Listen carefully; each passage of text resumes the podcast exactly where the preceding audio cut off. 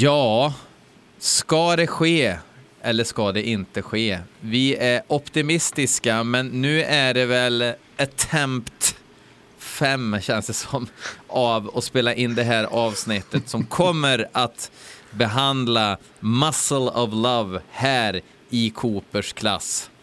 Och vi har haft så mycket bekymmer och vi har haft eh, vi har spelat in hela podden en gång faktiskt som vi fick skrota. Um, men jag såg varje timmen podcast kommentera det här i BL Metal Podcast sociala medier och de berättade att de faktiskt har spelat in ett avsnitt tre gånger från perm till perm. Mm. Eh, men det har gått en vecka sedan vi satt här senast och hade trevligt och jag tror att det har gjort gott för det här. Men ni som lyssnar, ni får tänka på att eh, vi har haft samtalet förut. Man kommer knappast ihåg allt som har sagts. Eh, men eh, ja, på sättet vi formulerar oss, vi påminner varandra om saker som sades så där ibland kanske. Ja. Det får bli hur det blir. Jag tror att det blir väldigt trevligt i alla fall. Och eh, vid min sida har jag som vanligt eh, mannen, myten, loppis, killen Heidenhammer. Tjena! Halli, halli hallå! Hur är läget? Jo tack, eh, med tanke på världsläget är det väl inte så illa här i Sundsvall just. Men det var ju en förbannelse som har lagts över just detta avsnitt där vi har så att säga nått sista anhalten för bandet Alice Cooper och med slutstationen Muscle of Love som ju blev den det sista skiva som bandet krystade ur sig innan Alice eller Vincent gick en egen soloväg och karriär till mötes.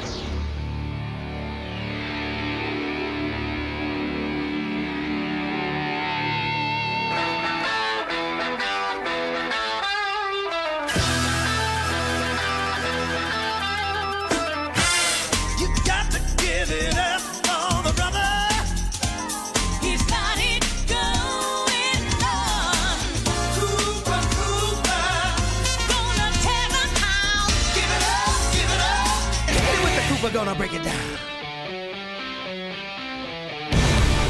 Så fick jag det sagt också. Det är bra, för det behöver sägas. Det är ju en, eh, det är ju ett, en svanesång för bandet det här. Um, och med oss för att prata om denna svanesång har vi uh, Alex Bergdahl. Oh. Välkommen tillbaks. Man tackar, man tackar. Det var tydligen inte så dåligt sist så att jag fick vara med en gång till.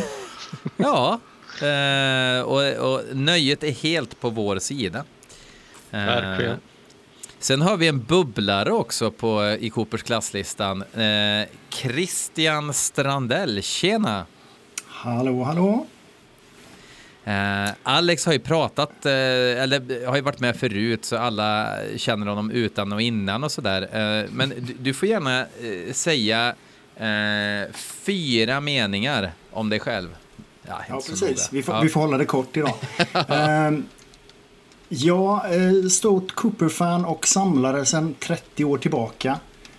Och ehm, sett Cooper alldeles för många gånger, har ett rum fullt med prylar och är intresserad av information eh, kring det mesta som gäller Alice och bandets karriär. Och då, det, det, är ju liksom perfekta kriterier för att vara med här. Vi har ju faktiskt sagt att man måste ju inte vara en, eh, en eh, Alice Cooper Brainiac.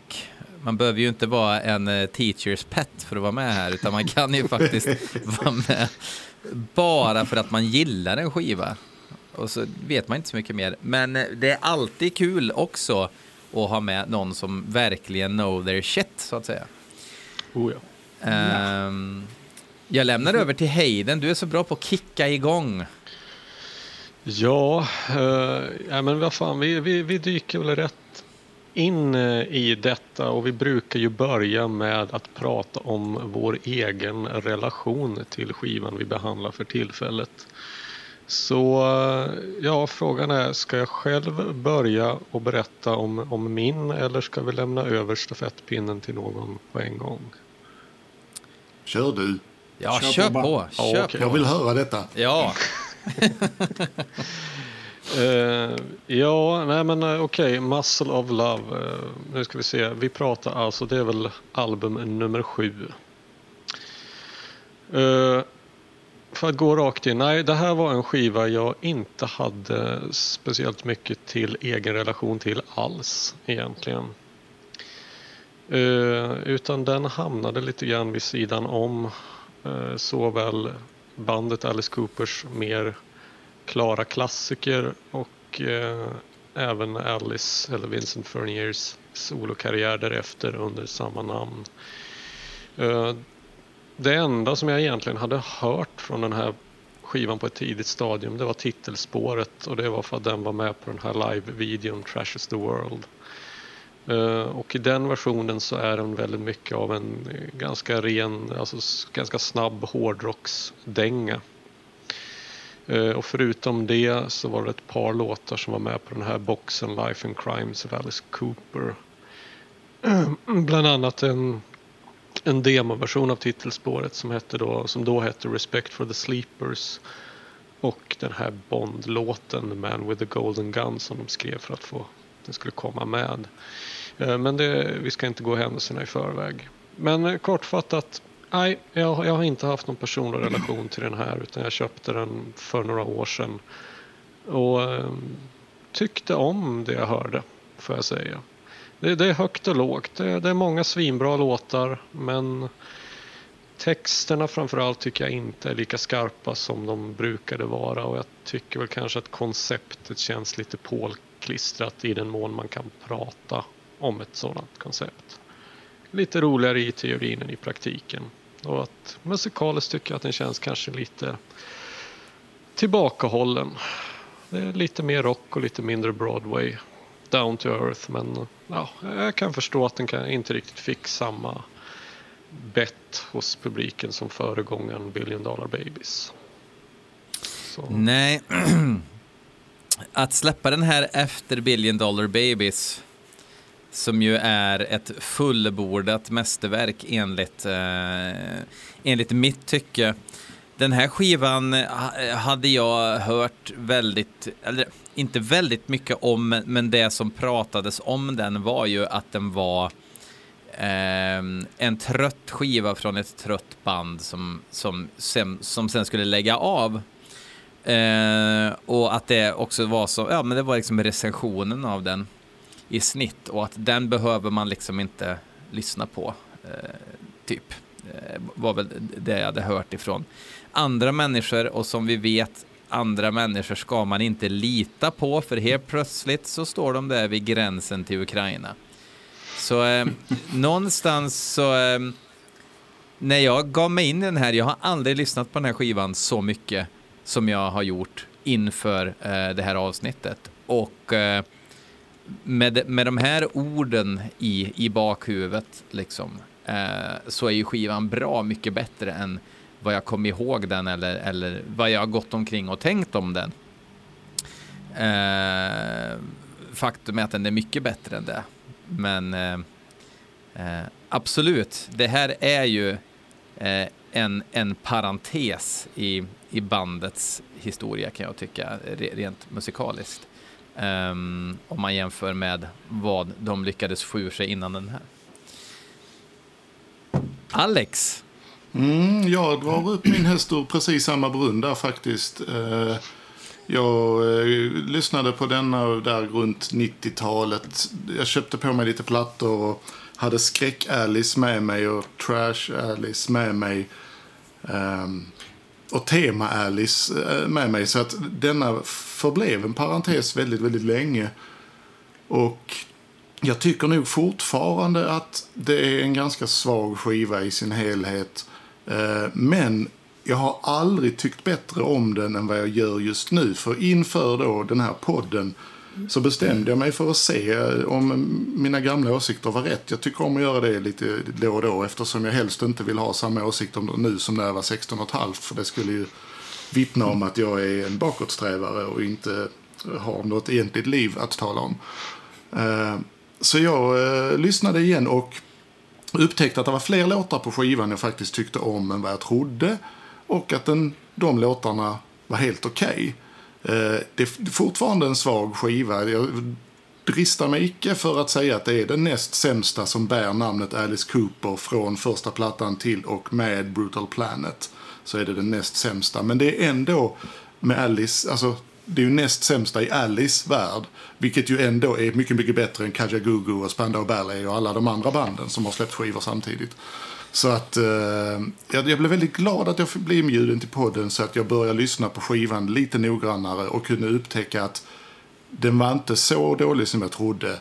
Eh, och där är faktiskt ett, ett, par riktigt bra spår. Och det, det, det gladde mig ända in i hjärteroten måste jag säga. Det är ju också en stor behållning. Alltså, man skulle kunna tro att göra en sån här poddserie bara är liksom självspäkelse. Liksom. Och, eh, det spelar ingen roll hur, ingenting är ju kul längre än 30 minuter brukar jag säga. Och vi ska göra det här i många, många, det blir typ sammanlagt en veckas poddtid.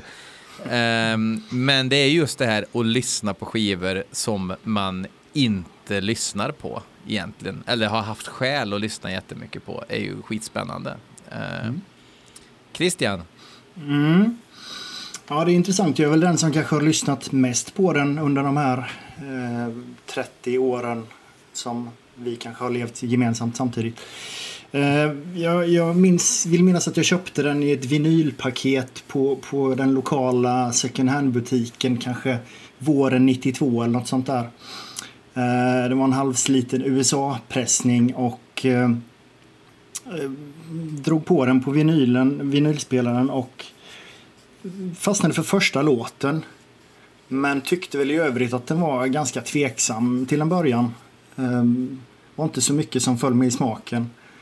Ehm, kände väl också till Muscle of Love från, eh, från Trash is the World-videon sen tidigare. Men annars hade jag väl inte så mycket mer koll. Ja, Teenage Lament, singeln också förstås. Men eh, den har ju kommit att, att växa för mig och jag, jag, tycker väl inte riktigt så eh, illa om den som, som kanske Alex gör. Men eh, jag håller med om att den absolut, i varje fall ifrån Alice Cooper-bandets prestationer så är det väl kanske bland de svagare. Eh, sen har det ju blivit att man, när man har läst på lite om hur bandet mådde, som vi kommer kanske komma in på sen, satt sig in i historiken så finns det ju liksom ett slags vemod över plattan med att det är den sista plattan med grupp, eh, gruppmedlemmarna och eh, det gör att man, man har en annan känsla för den. Mm. På något mm. sätt. Ja. Så är det kan ju ta, vi brukar försöka få in eh, ja, lite, lite citat om vad som har sagts om skivan och ibland hur den har tagits emot och sådär. Uh, och det här, här var det väl både högt och lågt ifrån recensenter. Väldigt blandat ja. Mm. Uh, det var väl någon Circus Mag som menade att det här var den mest chockerande skivan hittills så det undrar jag väl lite grann hur de resonerade kring. Men, men uh, ja, hyfsat ja, alltså det, det är väl ja, men den hamnar ju någonstans där i mitten. Alltså nytillkomna som hade upptäckt bandet tänker med Billion Dollar Babies de måste väl nog ha undrat lite grann vart det här showmaterialet egentligen tog vägen och varför är det inte så stort och glammigt kan jag tro. Och eh, jag tror de som hade hängt med bandet ifrån början eh, Ja, det kanske var mer rock men det var inget mörker längre. Mörkt var inte tillbaka utan någonstans där middle of the road utan att vara direkt dålig Eh, och det vill jag väl minnas att vi pratade om när vi körde igenom det här poddavsnittet förra gången. Eh, Alex, du var väl inne på samma linje där att eh, ja, men det känns inte farligt längre. Det är väl som att ja, det, det som gav Alice Cooper så att säga, en, en ond aura, det, det finns ju inte längre här. Mm. Nej, alltså varken, varken humorn eller eh, skräcktematiken eller det här se bandet på scen som man inte har sett tidigare. Alltså det, ingenting av det hittar jag här. Det har, det har gått som en röd tråd ända från Pretty's for you tycker jag om jag ska vara ärlig. Att, där är, att det är skruvat. Lite mm. så här, mm. Eh, nog fattar jag låtar på denna som inte är eh, middle of the road, absolut. Men den är inte skruvad på det sättet som, som de gärna gjorde även i de enklaste av rocklåtarna. Jag tror man kan eh, flika in och säga, jag vet inte om ni har läst boken Billion Dollar Baby. Som, eh, den handlar ju om bland annat turnén efter denna plattan och även lite grann inspelningen av Muscle of Love. Och där, där målar ju författaren Bob Green upp eh, ett band som är i upplösningen och eh, nämner ju även att, att Alice själv uttalar sig att han är trött på den här mörka karaktären som ni pratar om. Så mm. det var väl kanske en, en, medveten förändring på gång redan. Eh, alltså texterna som Alice skrev och sen bandet ville kanske gå ifrån. Eh, de, de ville märkas lite mer som musiker tror jag. Mm. Och det är mm. därför jag tror att den skiljer sig så pass mycket. Att man inte satsade mm. på skräcktemat. Jag tänker, alltså, det, det, var ju väldigt mycket, alltså, kanske fem, sex år senare, det här snacket om att, att, det, att det är liksom karaktären Alice Cooper som gör mig sjuk. Liksom. Eh, mm. Det, det, var liksom som, som ett spår han var inne på, men det var alltså redan här då som han, han kände att det var destruktivt att vara Alice Cooper. Liksom.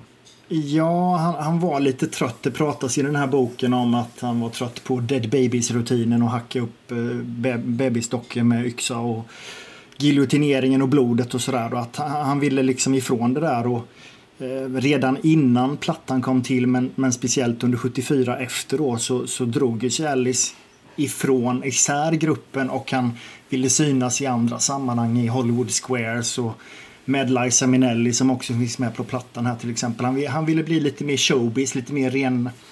Eh, ja, fri från det här skräckimagen som de hade byggt upp så länge.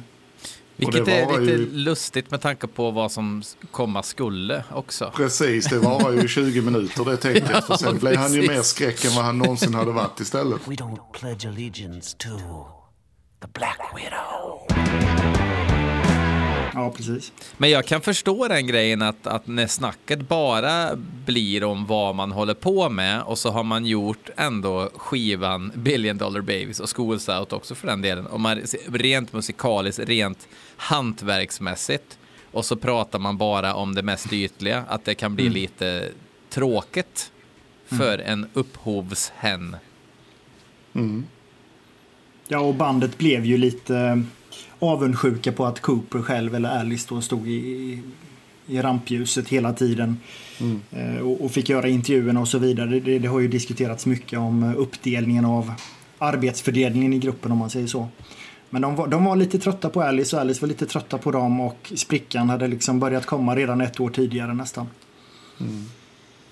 Eh, Eh, det jag tänker där är väl att jag, kan, jag har nog också full förståelse för att man kanske vill ja, om man har börjat tröttna på en karaktär och vill pröva någonting annat, det, det har jag nog full förståelse för. Men eh, det är väl, jag undrar om inte det största problemet med den här skivan är att man försöker sig på att, att skapa ett så påklistrat desperat koncept som den här skivan löst skulle utgå från. Alltså att okej, okay, det är inte skräck utan det är sex istället. Men det är det som att jag, jag, har, jag får bara svårt att tro att någon av dem verkligen trodde på det. Det känns inte genuint från min horisont. Eh, det skulle väl alltså vara då att den här skivan på något sätt skulle handla om lite grann om storstadens förfall och dekadens och eh, ja, Amerikas sexu sexualitet eller sexvanor. Men det når inte riktigt ända fram och det här liksom att samtliga medlemmar på bandbilderna skulle stå i sjömanskostymer och föreställa att de har kommit i hamn på en shore leave och ska knulla runt på allehanda bordeller. Ja, jag, jag vet inte. Det, på något sätt så känns det bara lite... Påklistrat var ett bra ord kan jag tycka. För det, mm. det, det, känns ganska rätt. Jag tror det pratas i någon av böckerna, om det var Dennis Dunnaways egen, att det fanns en annan tanke redan innan det här med sjömanstänket kom in i bilden. Men att den sköts i sank då utav eh, management och hangers-on runt omkring och skivbolag och så vidare. Ja, han, han skriver i sin bok där jag kommer inte riktigt ihåg vad det här alternativet skulle vara men han menade att, eh, han, att de blev tvungna att hitta på ett koncept, alltså någonting att enas kring. Mm. Uh, däremot så verkar det inte som att han nämner så mycket om det här med sjömanskostymerna men däremot att, att de skulle tillbaka till, till the roots eller till gamla dagar men mm. även det tycker jag känns ju lite besynnerligt för att alltså Muscle of Love det är ju inte Pretty's for you. Om vi ska prata om tillbaka till rötterna. Då. Nej, om, definitivt om. inte. Och det låter ju inte som Earwigs heller för den Nej. Nej. Men det... Innan vi börjar prata låtar, jag har en fråga till redaktionen för ni är ändå hyggligt intelligenta människor. Jag, jag, köpte ju den här eh, originalutgåvan då på 90-talet. Eh, som är, man får skivan i en pappkartong, vilket ju är ganska fräckt. För eh, Alice Cooper har haft coola omslag med lite sådana prylar man kan ta på. Affischer och kalendrar och allt vad det nu är. Och så köpte jag denna och kartongen var häftig. Och så var där ju en insert med. Jag var alltså långt över 20 år, kanske 30 när jag fattade vad den inserten var för någonting. Jag satt där med det här pappret, eh, jag vet inte om ni har sett det, och försökte bygga någonting, försökte följa de knapphändiga instruktionerna att det här ska ju byggas till någonting, vad är det man ska bygga den till? Och jag fick sådana eh, svenska mad-flashbacks, man skulle bygga några jävla zeppelinare i 1986. Jag tänkte, hur fan, vad ska det bli och hur ska det vara? Sen, sen så är det bara ett jävla bokfodral, man ska vika på den här på en bok. Jag fattar inte det. Och jag, jag, I shit you not, jag var över 30 bast när jag fattade. Aha, det är ett bokfodral.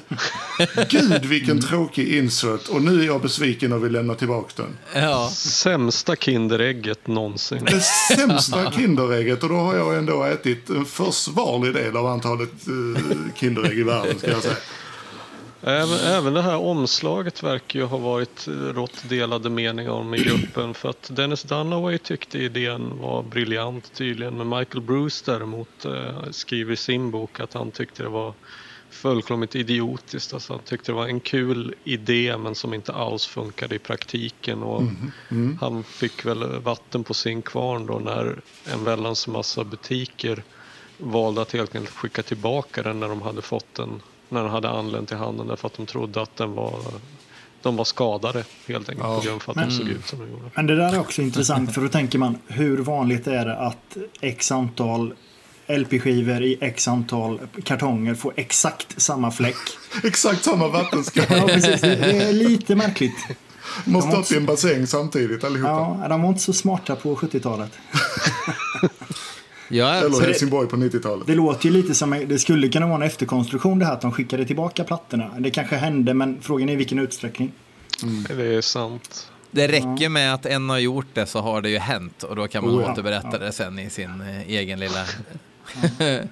Men ja, plattan jag... kom ju ändå på, på tionde plats på försäljningslistan tror jag. Så det var ju ingen flopp kan man inte säga. Det var väl bara att det var en flopp i jämförelse med Billion. Men det är väl där så att säga nyckeln ligger. Att om man, mm. om man har förstått så att säga, principen bakom majorbolags släppen. Alltså att allting, eh, alla skivor räknas i eh, så att säga, jämfört med föregången. Mm. Mm. Så att eh, även om det så säljer 10 miljoner av den senaste skivan så kommer det att vara en flopp om den förra sålde i 20 miljoner. Mm. Men det blir som ett aktiebolag liksom, av någon konstig anledning. Eh, eh, om man bara gör 13 miljarder i vinst så är det en mindre vinst än förra året och därför så måste vi säga upp folk. Liksom. Det, är, mm -hmm. det, är, ja, det är en väldigt märklig princip. Alltså, går, om de får tillbaka alla pengar plus lite till så borde de vara nöjda. Men det, men det är klart att eh, då, då, då eh, kanske inte banden hade drogat ner sig i någon sorts panikångest och sådär. Och det hade ju inte, då hade det inte blivit intressant musik. Det är det jul. Men hörni, alltså tiden går så att jag tänker ska vi börja ja, vi måste. in i låt för låt? Big yeah. Apple Dreamin' Hippo i parentes som är väl den här klubben de hängde på en del som inte hette Hippo, den hette väl Hippo Hippopotamus. Eh, ja, hip, precis. Eh, en, eh, och, och det måste man ändå säga att det, det är faktiskt det första som jag tänkte på efter att ha lyssnat på Billion Dollar Babies och dra på Muscle of Love, vilket gör att det är ganska intressant att lyssna på skivorna i följd som vi gör nu. Det är ju att det låter ju rent produktionsmässigt lite råare. Det är lite, eh, lite rivigare. Eh, jag tycker att Big Apple Dreamin' som låt sett är en eh, låt som jag inte skulle säga emot om någon sätter på en sån sorts större Greatest Hits-samling med Alice Cooper. Och Absolut. definitivt platsar den, platsar den på en Greatest Hits med eh, bandet Alice Cooper. Utan snack. Um, mm. Vad tycker ni? ja, jag tycker det här är en riktigt trevlig låt. Mm. Alltså det är kanske musikaliskt inte så mycket man direkt förknippar med Alice Cooper men jag tycker det ändå det, det funkar ändå. Och eh, här tycker jag det är en ganska bra Kanske att det klaschar lite då med att eh, konceptet på skivan i den mån det finns ska vara så pass cyniskt som, som det mm, sägs. Men eh, jag tycker att texten funkar bra med musiken. Att de, det är det här eh, oskyldiga paret ifrån Ohio och mellanvästern som anländer till New York och möts av skandalöst dekadens. We're so young and pretty We're so young and clean So many things that we have never seen Let's move from Ohio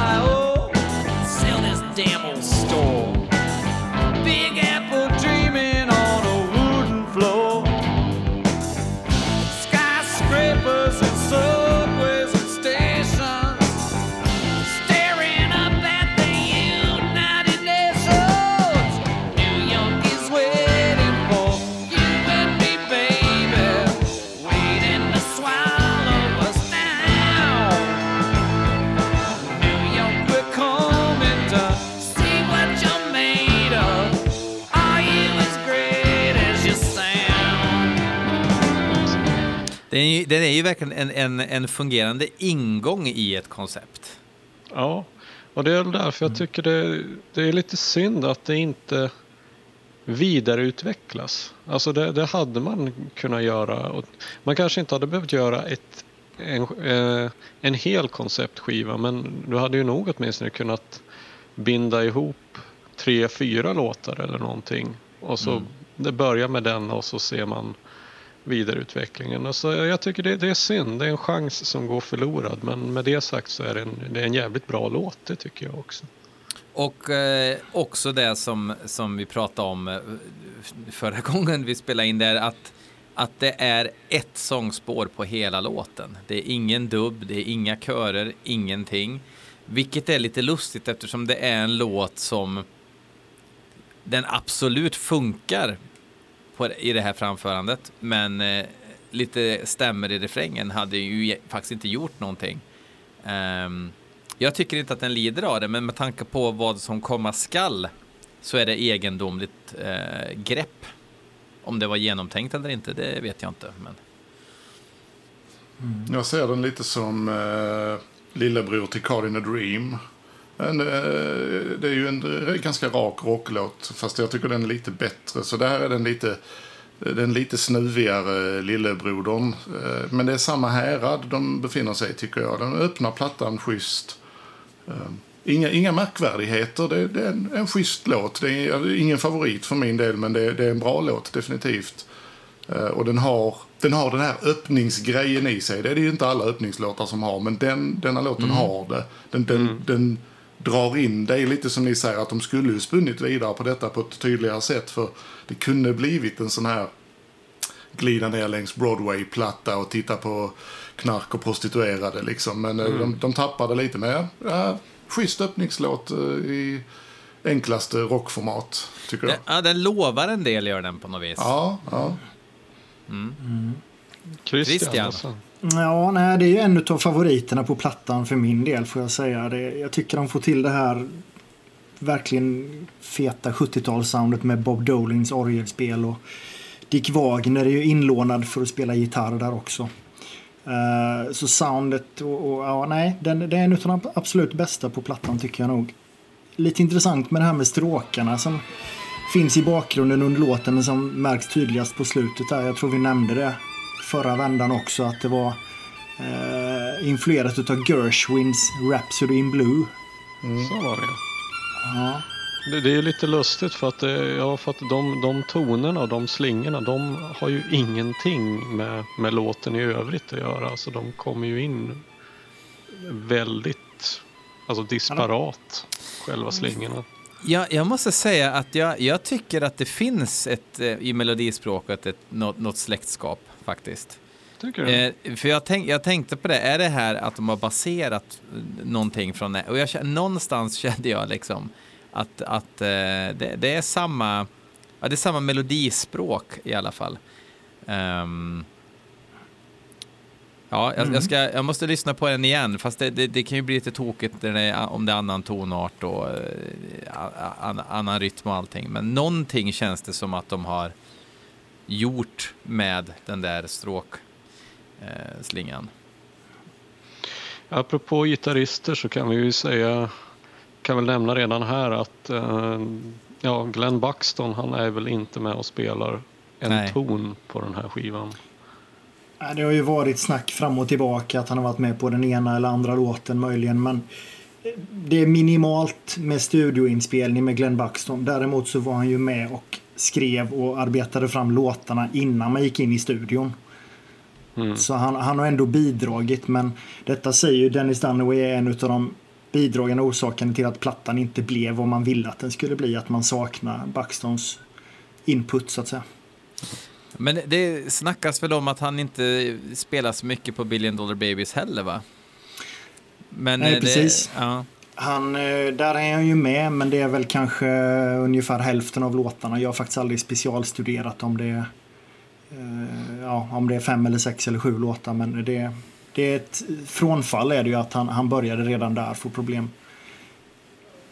Och, och på turnén efter så var det ju en extra gitarrist och, och då keyboardist också. Som, som även fortsatte på det som blev Muscle of Love-turnén. Uh, Billion Dollar Babies Christmas Tour som man väl Precis. kallar den i folkmun.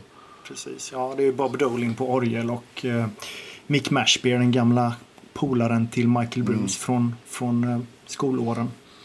Men inte speciellt ovanligt heller eh, på 70-talet att man eh, tog in gitarrister som fick spela där, där musiker inte riktigt platsade alla gånger och sådär. Eh, jag vet inte om du Alex har hört talas om Kiss till exempel, det är väl ganska notoriska för och, ja, det är de eh, satanistrockarna. Jo, jag har hört om dem, men jag ja. lyssnar inte på sånt. Nej, ja. men det, detta är ju uppenbart. Detta är ju mm. deras Dynasty. Uh, detta är mm. ju plattan som de ville göra, men det var ju inte längre en grupp som gjorde en platta utan det var ju några ur en grupp och lite folk som då inte står med som musiker men kommer fram i efterhand och så vidare. Mm. Det, detta är ju verkligen eh, Eftersom gruppen är dysfunktionell men produkten måste ut, så funkar det ju. Det är mm. ett företag det här.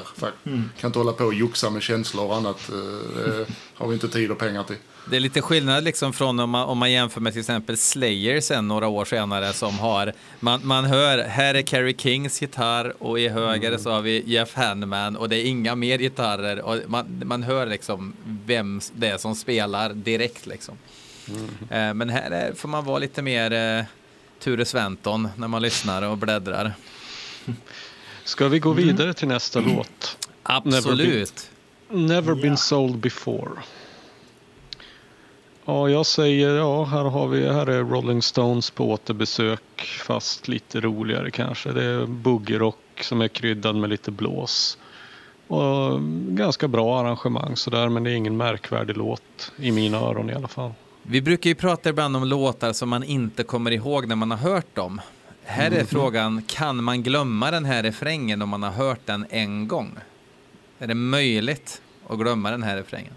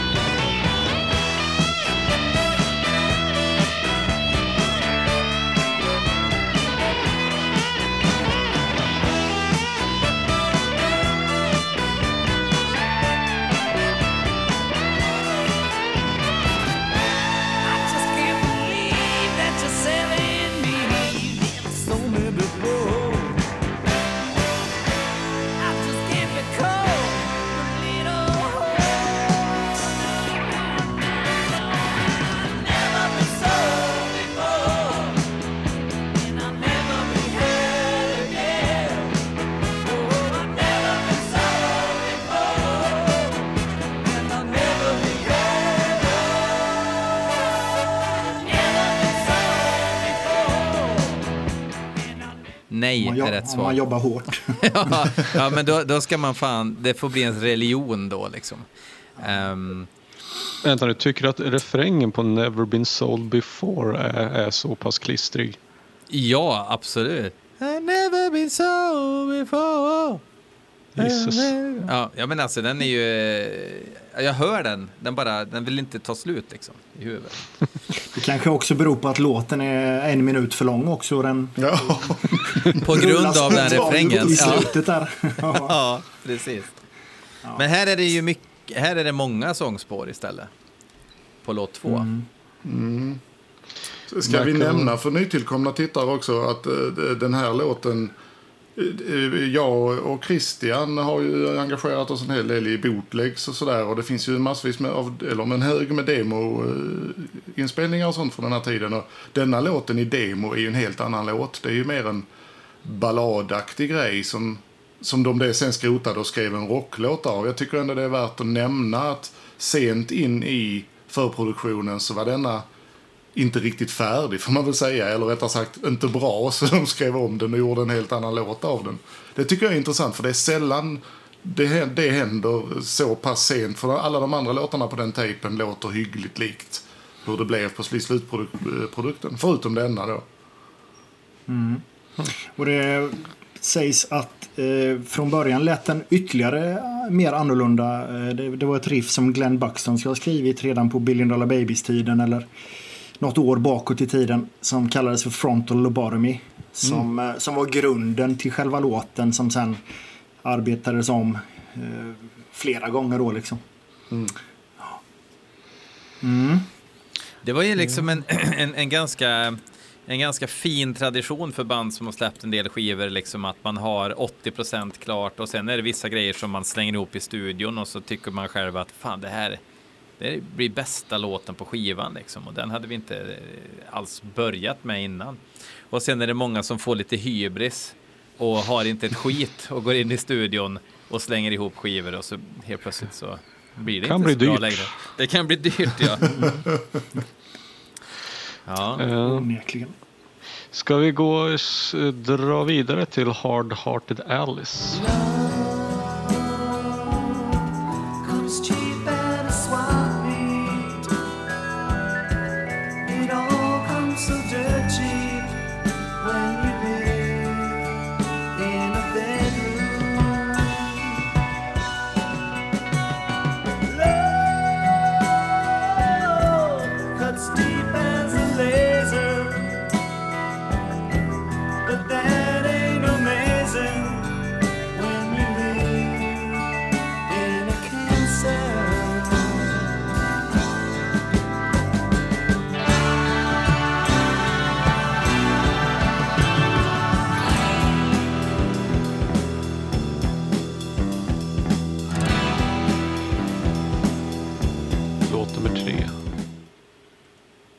Nu kommer vi till en låt jag tycker om i alla fall. Eh, det här är ju i mitt tycke skivans mest dramatiska punkt och en vansinnigt bra låt. Eh, och eftersom det här då inte är det förra avsnittet så kan, behöver jag ju inte säga fel angående live-låtar och sånt. Eh, så att det är ingen som vet att jag inte kom ihåg riktigt rätt förra gången att Christian räddade mig där. Så jag kommer ju framstå som sjukt intelligent nu när jag säger att detta var en av de tre låtarna de körde live från plattan. Eh, vilket också är lite märkligt för att den var, det var svårare i livesammanhang. Men eh, jag är väldigt tacksam för det för det är en eh, vansinnigt bra låt och den funkade i liveformat också tyckte jag. Absolut.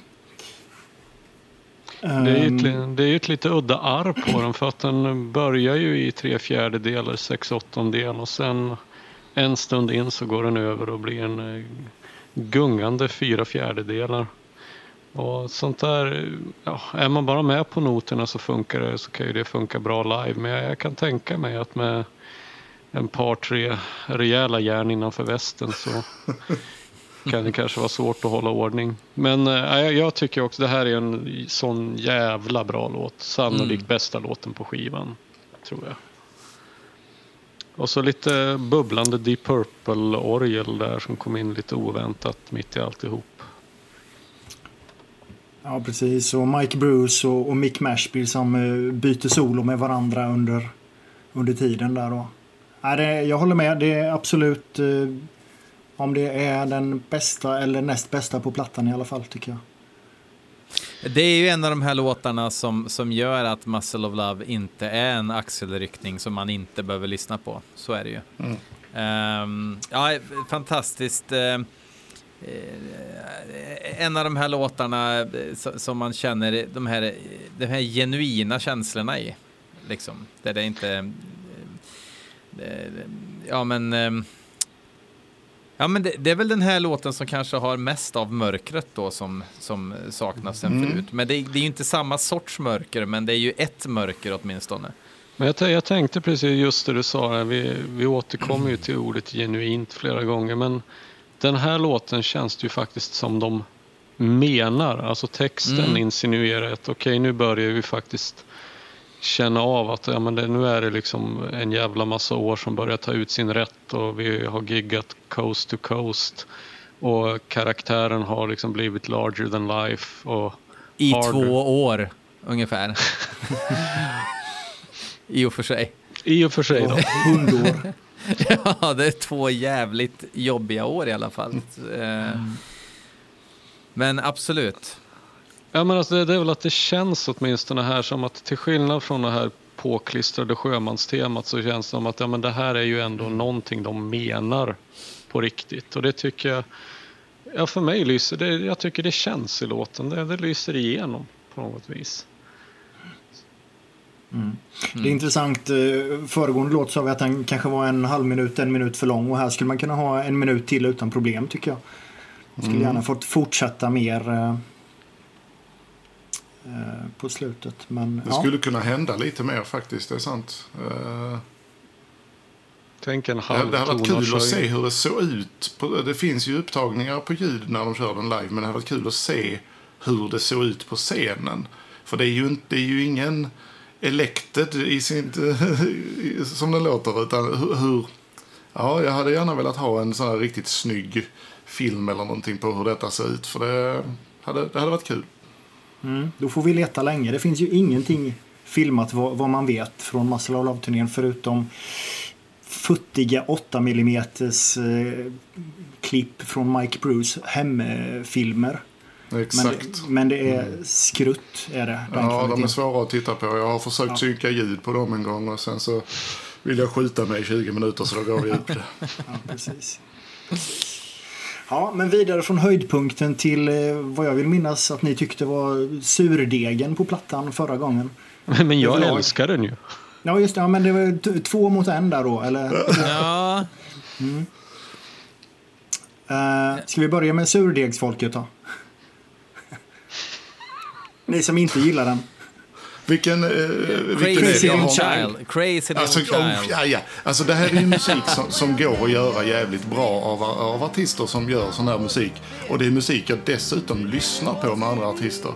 Eh, sen, sen, sen har vi då Crazy Little Child i, i Alice eh, tappning. Eh, nej, det här är i mitt tycke då... Eh, det, det här är inte bara bottenskrap på plattan utan det är bottenskrap i karriären. crazy little child. You old playground. The face. Oh, worst friends. When talk to them, they said, Jackson, boy, they'll get you by and by.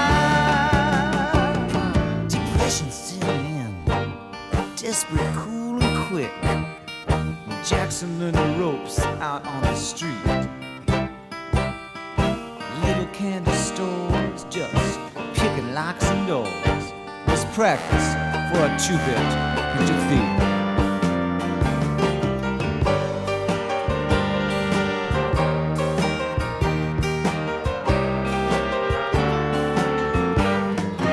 Jag skulle vara en mycket lyckligare människa på eh, många, många plan om denna skivan inte hade haft denna låten på sig. Och tyvärr är det ett par sådana till. Men för, denna här är verkligen... Eh, jag tycker inte den är så bra, kan vi väl säga, för att vara lite diplomatiska. Det var neutralt. Tack. Ja, men där är jag också. eh, Fast jag, jag, jag, det, det är lite konstigt, men jag, det är inte så att, att, att jag vaknar på nätterna och skriker rakt ut över att den är med på skivan. Men jag tycker inte att det är en speciellt bra låt bara heller. Alltså, men, men den är ju inte så usel att jag blir arg, utan den, är bara, den, den bara ger mig ingenting. Sådär. Um, mm. Ja. Ja, ni är ju inte ensamma för att Neil Smith uh, menade ju själv att det här, som han uttryckte att vilken jävla dynga till skitlåt. Varför i helvete gjorde vi sånt här mög? uh, och det var väl han som skrev den vad jag minns, så han borde väl Ja, det var Eller Michael var det Bruce. Det var Michael Bruce. Det var en gammal låt som han skrev i skolåren tydligen. Som de plockar upp här igen. Ja, ja det stämmer. För det, ja, men ja. det skriver han också att det var, blev ju väldigt annorlunda jämfört med originalidén. Att nu ja, här precis. är det ju liksom Dixieland och jazz och storband. Liksom. Jag, jag älskar den här låten av en enda anledning och det är att det, det här är så likt Tom Waits att jag... Det är nästan, när jag lyssnar Just på den här låten är det nästan omöjligt att inte höra Waits röst på den. Mm. Waits eh, släppte inte sin debut förrän året efter och sen så gjorde han en hel karriär på precis sådana här låtar. Så komplett med blåsarrangemang i refrängen och, och allt. Så och så konstaterar vi att, att uh, Tom Waits mest är känd för att han dyker upp i Primus ibland också.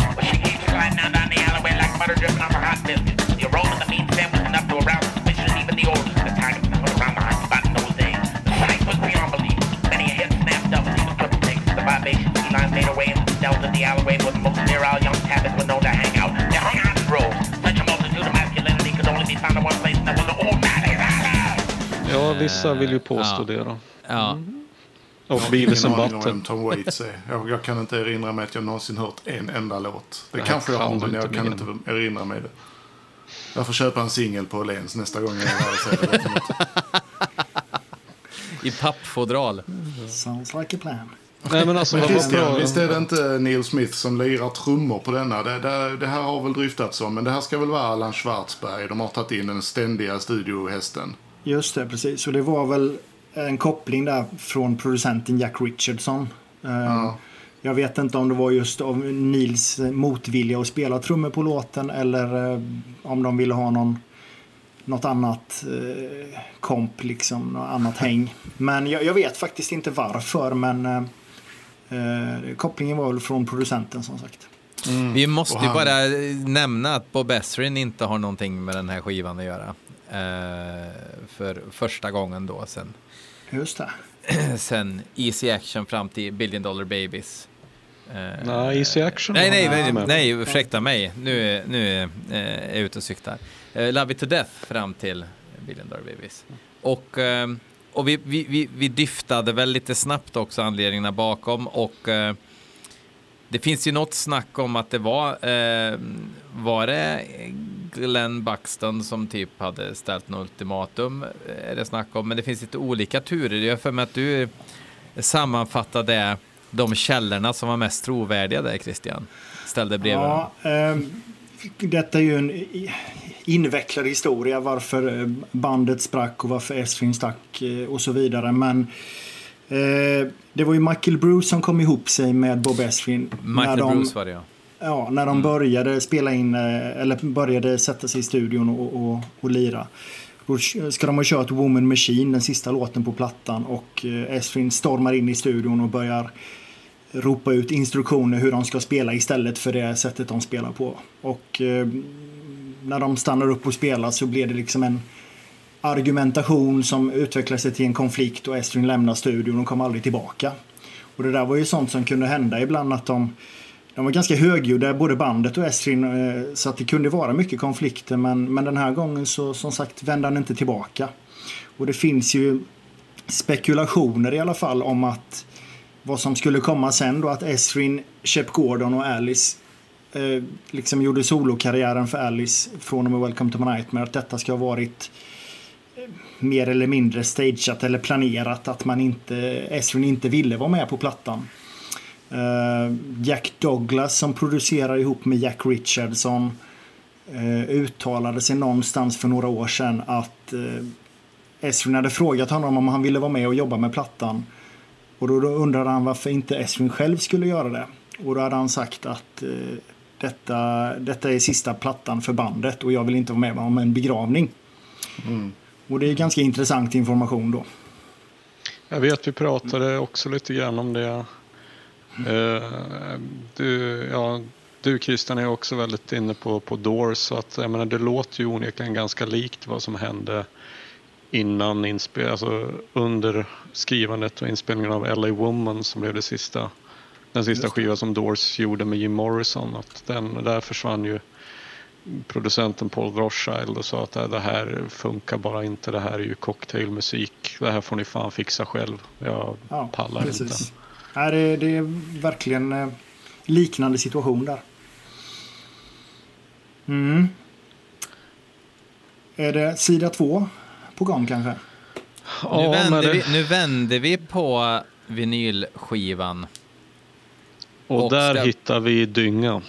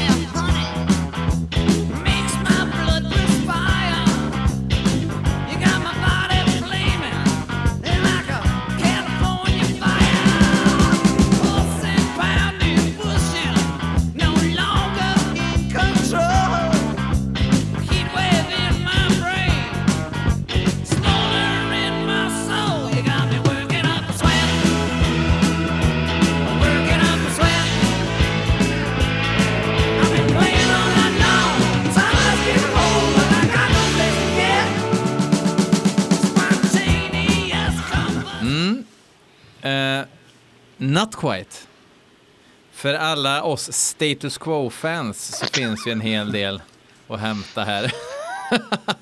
Status quo med gubbig knulltext. Det är, låter i och för sig som status quo. Då, i för sig. Eh, nej, men, nej, men alltså te- texten är ju vad den är liksom. Och det, man, man, det luktar ju liksom eh, solvarm pizzasallad av den här låten rakt igenom. helt klart. Men, men ändå, den är, med- tanke på, jag tycker ju att, okej okej nu rycker vi upp oss lite efter Crazy Little Child eh, när jag hör den. Så det är möjligt att, att det har en del med positionen på skivan att göra också. Att jag blir, jag blir lite, lite gladare. Eh, och blir sugen på att bugga lite kanske när jag hör den. Men det är inte, det, är- det är givetvis inte en fantastisk låt. Men jag, jag kände att förra veckan så lät jag som att eh, jag skulle ta en kula för Working Up a Sweat i jämförelse med er andra. Så jag vill ändå bara säga det, det är inte ett mästerverk det här på något sätt. Men nu kan ni göra det ni är bra på. Ja, nej, det är ju en eh, petitess på något sätt. Det, det är lite för övertydligt med, med de sexuella referenserna i texten och det, den är lite pinsam på något sätt.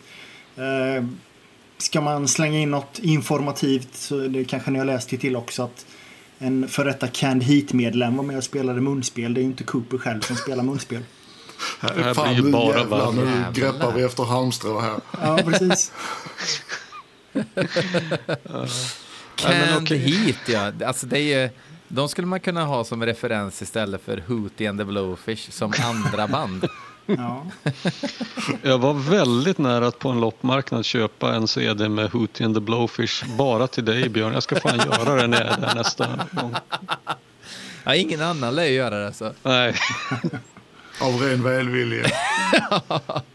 men, men jag tänker att istället för att stanna allt för länge på den här obehagliga hållplatsen så kan man väl glida över och jag, jag, jag tycker fortfarande att det här måste vara ett av bandet, bandet Alice Coopers konstigaste val att inleda B-sidan med Working Up a Sweat istället för titelspåret som de har lagt precis efter det här. Mm. Eh, för det brukar ju tydligen vara som så att när det gällde LP-skivor så skulle de absolut bästa låtarna eh, alltid vara låt nummer ett, två, sex och tio. Så att, eh, och låt nummer 6 var ju nästan då alltid, ja men det var ju eh, B-sidan skulle öppnas med den. Och, och jag kan för mitt liv inte förstå hur de eh, valde att, att öppna B-sidan med Working Up a Sweat istället för en bra låt som jag faktiskt tycker att Muscle of Love är. Men jag kanske är ensam om den saken. Jag tror Nej, vi var inne på det eh, förra gången också att det kunde ha att göra med eventuellt eh, en tes jag hade, eller teori menar jag, att eh, längden på låtarna det är ju en minut för mycket på Never Been Sold Before. Annars kunde man klämt in Working Up a Sweat som sista låt på första sidan istället. Mm. Det hade ju känts betydligt bättre. Oh, ja. Mm. Nej, jag Ja, tänker jag gillar denna. Jag gillar Muscle of Love som fan för jag tycker, och det upptäckte jag nu i nylyssningen. Eftersom jag inte har lyssnat på denna plattan hur ofta som helst genom åren så upptäckte jag nu att fan den hade ju platsat på Killer hur jävla bra som helst på A-sidan där. Den har samma produktion, samma stuk, samma attityd och det är nog den enda låten på plattan som faktiskt har den attityden som jag så eftersöker så mycket eh, och saknar så mycket på skivan i övrigt. Who's the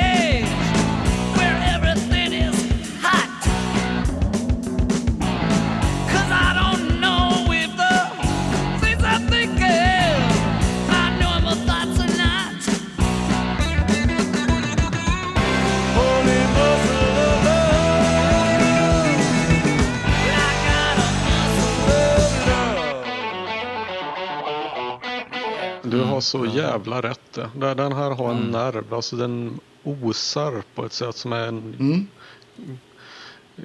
basgång som en kåt marskatt istället för en svettig gubbjävel i ett runkbås på vuxenvideo som Working Up a Sweat ger visioner av.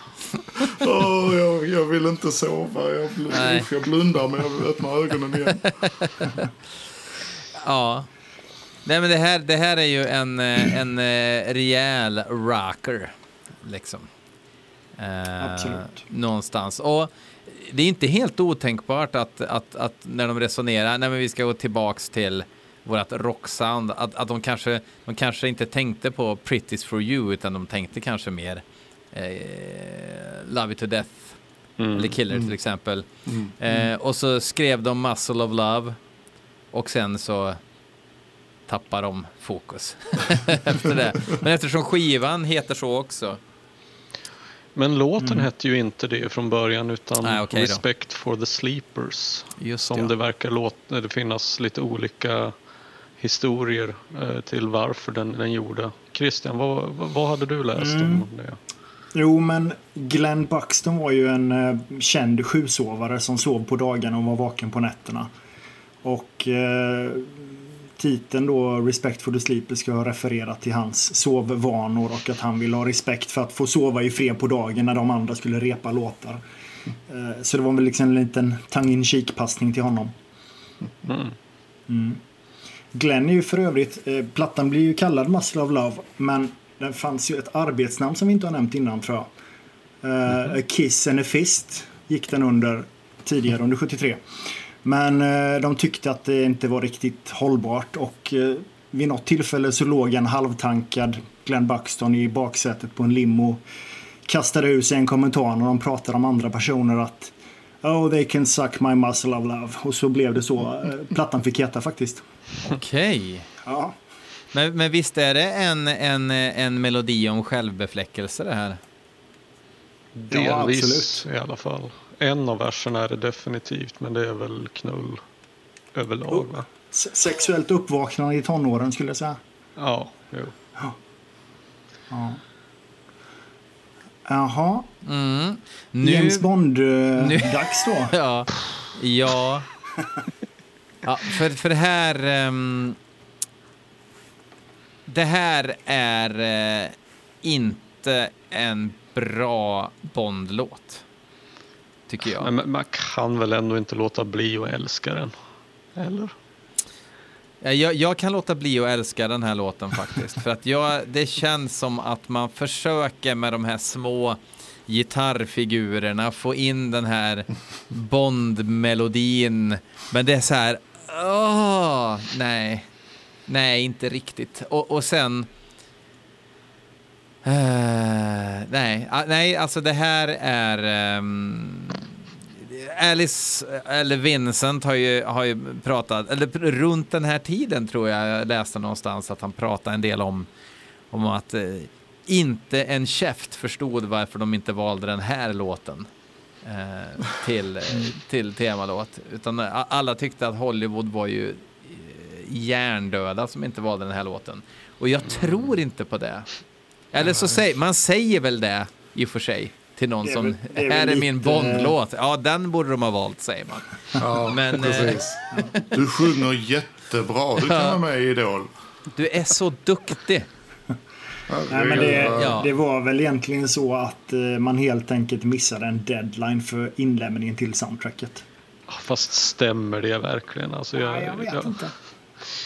Det, Det, alltså, det kan ju vara så, men eh, alltså, största problemet med att det här skulle vara en Bondlåt tycker jag att det låter ju mycket mer som en parodi på en Bondlåt än att det skulle vara någonting annat. Det, det är väl mer någonting som skulle platsat i Mad eller någonting kan jag tycka. Men Ja, till deras perfekt försvar då. till Nakna Pistolen 2.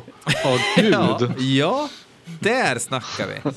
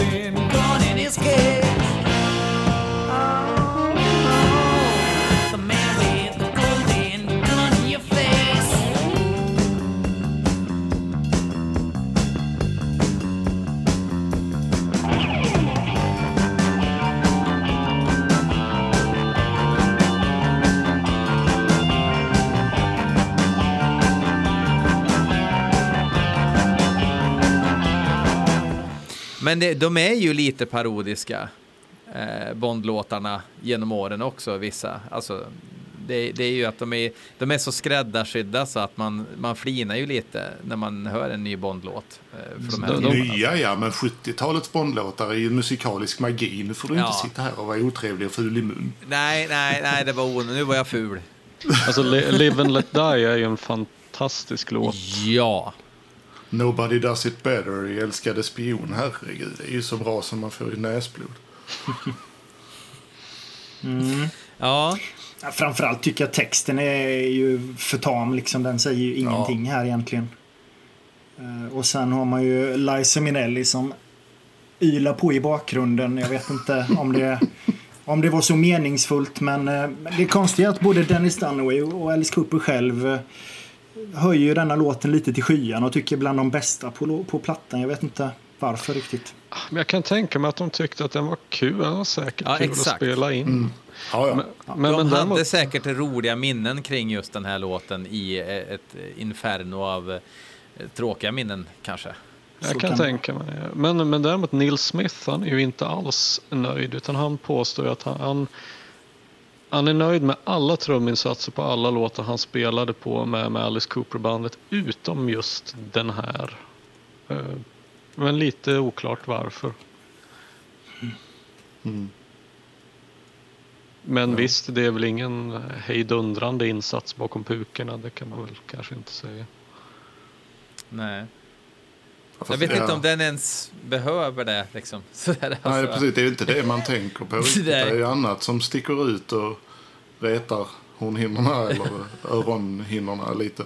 Ja. Den, den är ju väldigt överproducerad med blåset. Det är ju, Ja, ja blåset ja. kunde ju dratt ner det sex enheter. Ja, vi går vidare till eh, den här skivans första singel. Mm. Teenage Lament 74. Ännu en låt som inte Neil var så nöjd med vad jag, vad jag minns. Men eh, konstigt när han sk- skrev den själv ju. Ja, när han tyckte att den blev för gullig. Fan vad, vad grinig han verkar vara.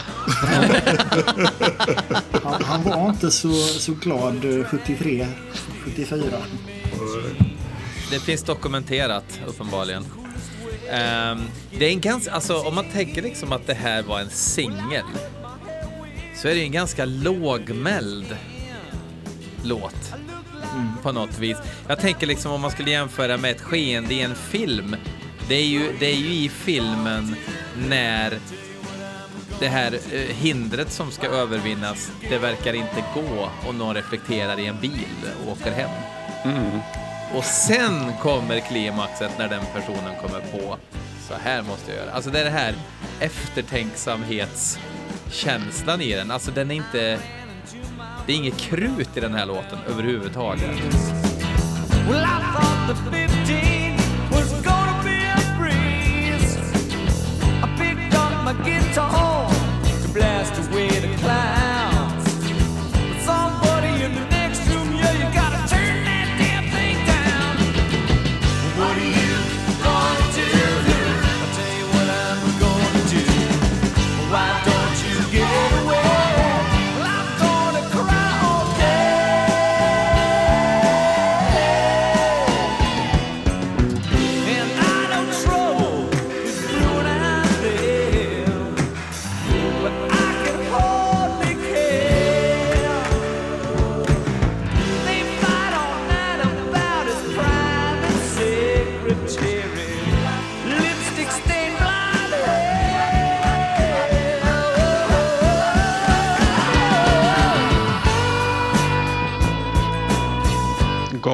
Cassandra har precis lämnat Wayne i Waynes World. Och så. Exakt.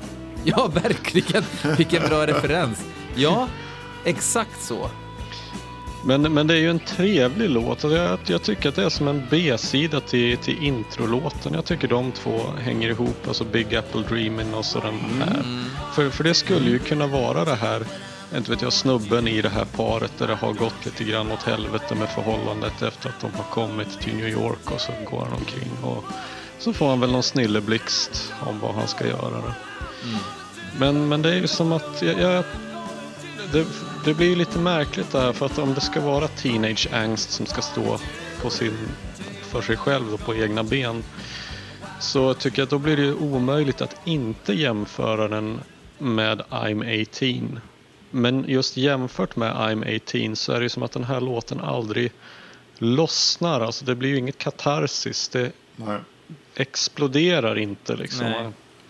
Nej. Eh, snarare kan jag tycka att det blir bara det blir bara sämre när den efter, alltså när den nästan är slut börjar gå lite högre tempo. Och det tycker jag gör varken till eller från. Det blir som ett antiklimax snarare än något annat. Men absolut, absolut inte en dålig låt, men en väldigt konstig singel. Och en... Eh, ja, men en låt som man kanske inte behöver lyssna så mycket på. Så känner jag. Alltså det här märkliga att den eh, släpps som singel och sen är den även med på en Greatest Hits-skiva.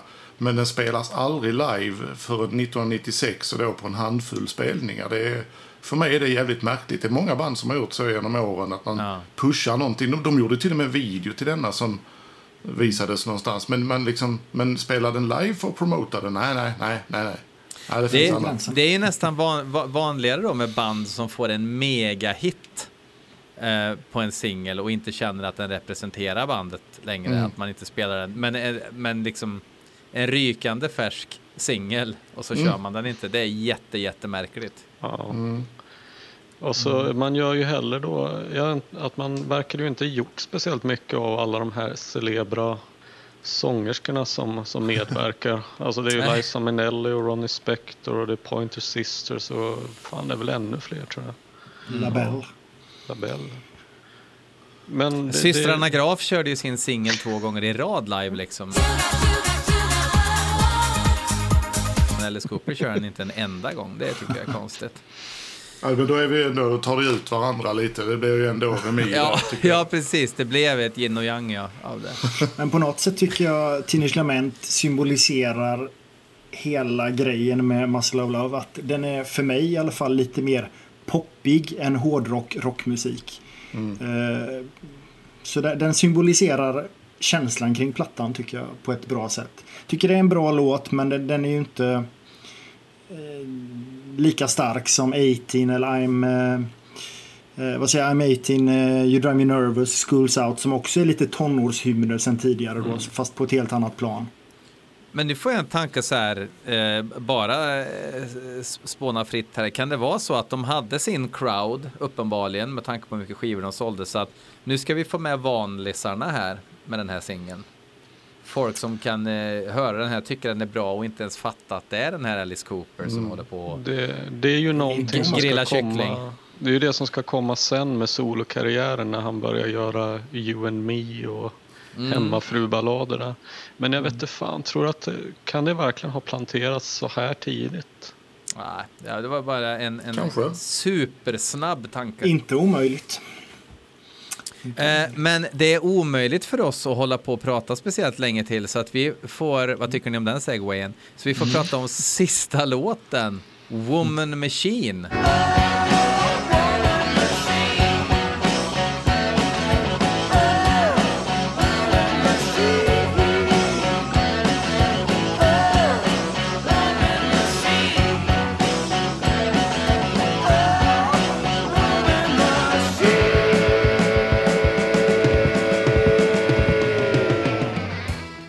Alltså visst blir det väl sorgligt att bandet lämnar oss med, Ja. med den här som sista låt.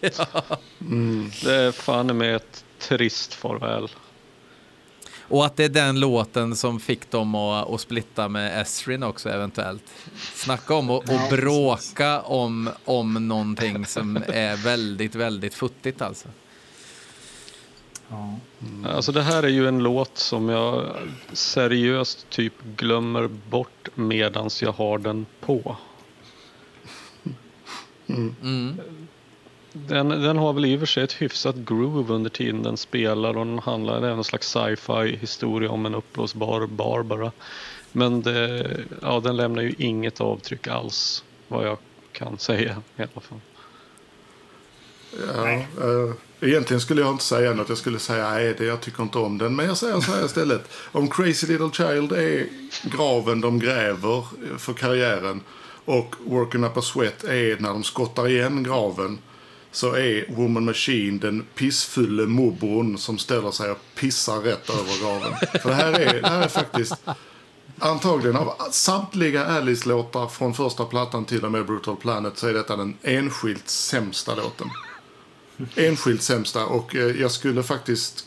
Jag, jag kommer att glädjas om jag aldrig hör denna igen. Jag kommer inte att lyssna på den särskilt många gånger. Förutom då när autismen sätter in och jag måste lyssna igenom en hel diskografi och jag även plågar mig igenom sånt här. Liksom.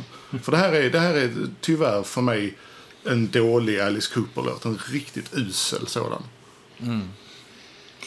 Jag får säga inte riktigt på den nivån, men visst är den svag. Och kanske den svagaste på hela plattan. Eventuellt efter Working Up a Sweat, för min del. Men eh, den bygger ju på, jag vet inte om de hade dåligt med, med material, så den bygger på en gammal Spiders-låt från 60-talet som kallades för Mr Machine. Som de omarbetade eh, till denna plattan då. Eh, med ganska dåligt resultat som vi har kommit fram till. Och ett ganska så här, ett tema som inte behövs inom musik heller. så här, trött sån här eh, woman machine liksom. Som, som eh, gissar vad den här kan göra. Nej, det är liksom, nej, Nej, det är trött. Men det även här tycker jag också att det blir så jävla udda att om Teenage Lament blev eh, första singeln ifrån skivan och ändå en av de låtarna man minns så kan jag för mitt liv heller inte förstå varför inte den fick ligga sist på skivan. Mm. Woman Machine, helst hade man bara kunnat skippa den men om den absolut måste med som någon filler så hade väl den kunnat fått ligga före Teenage Lament. Ja. Mm. Så man ändå lämnades med en lite positiv eh, känsla efter att ha hört skivan. Ja. Det, det blir för tungt att lyssna på Man with the Golden Gun ihop med Woman Machine i rad. Nej, folk kommer att lämna tillbaka skivan. De kommer inte att tro att den är riktig. Det kanske var därför man lämnade tillbaka 100 000 extra. Det hade inte skit med det här omslaget att göra. Nej, precis. Kan vi nämna innan vi packar ihop att det finns två stycken outgivna låtar. En låt som Neil Smith skrev som heter Baby Please Don't Stop. Som han repade i studion inför eh, plattan men som aldrig kom med. Landade på hans eh, soloplatta senare. Eh, och sen läste jag mig till att det finns en outgiven låt utan namn eh, som ska ha handlat om en kvinna som blir kär i sin tvättmedelsflaska. Ja, det Eh, stämmer. Ja, eh, lite obskyr information men eh, har aldrig hört talas om namnet på låten, aldrig hört någon inspelning på den så det skulle vara kul om den råkade dyka upp någon dag. Den hade man ju velat höra. Den hade ju bara på temat lyft halva plattan i mina ögon. Det är ju bättre tema än Woman Machine till exempel. Ja. U- ungefär samma låter det som. Men eh, Det, det ska enligt beskrivningen ha varit att hon blir kär i tvättmedelsflaskan och sover med den och kramar den och kommer ut något vitt skum. Jag vet inte hur bra den kan ha varit. Mm. men är, är, är, var det Alice Coopers liksom motsvarighet till eh, I'm in love with my car eller vad heter den? Ja. Ja, jag vet inte Så att faktiskt. det är kill- kill-varianten och tjej-varianten då. Men eh, om, vi, om vi har några, jag vill ju alltid ändå så att säga, försöka avsluta med betygssättning för det är ju ändå i Coopers klass det här. Så om vi bara tar några siffror. Eh, vi skiter i Bologna-systemet utan vi kör 1 till 5. 5 är det högsta, 1 är det lägsta. Om vi tar en, en rundvandring kring det virtuella bordet här. Ja. ehm, jag skulle nog säga tre och en halv för min del. Ehm, ibland på väg mot en fyra, ibland på väg mot en tre. Men tre och en halv känns rimligt. Den är svagare än mycket, eller det mesta annat Cooper-bandet gjorde. Men ändå några guldkorn som lyfter den. Om man säger eh, Big Apple Dreamin', Hard Harder Alice, Muscle of Love. Eh, som lyfter eh, resten av skräpet. Eller skräpet ska jag inte säga, men Tre och en halv. Mm. Mm. Ja, hade jag fått frågan för en månad, nej två månader sedan så hade jag nog gett den en etta för att jag visste att det inte var en bra platta. Men genomlyssningarna nu och som jag har sagt analyserandet och så vidare, så det blir en tvåa. Eh, Med, pendlar mellan en svag och en stark, men en tvåa för den var bättre än jag mindes. Så där är, där är ju några bra spår, men helheten på skivan är så pass svag ändå att det är ändå inte en platta jag kommer att sätta på för att ha roligt att lyssna på Alice Cooper utan den kommer att spelas när, när sjukdomen sätter in och jag måste lyssna. Liksom. Men eh, det är ingen nöjesplatta som i princip alla de andra är utan det är mer en liten påtvingad grej. Men det var bättre än jag mindes och det är med glädje jag säger det för jag tycker det är roligare att tycka om än att inte tycka om. Inte så tidsenlig inställning, men absolut. Det, jag, jag håller med. Jag är... Men jag, jag måste säga en svag trea.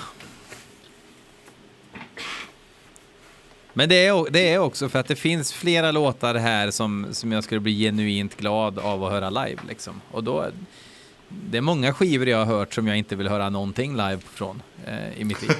Så att eh, det är bra betyg.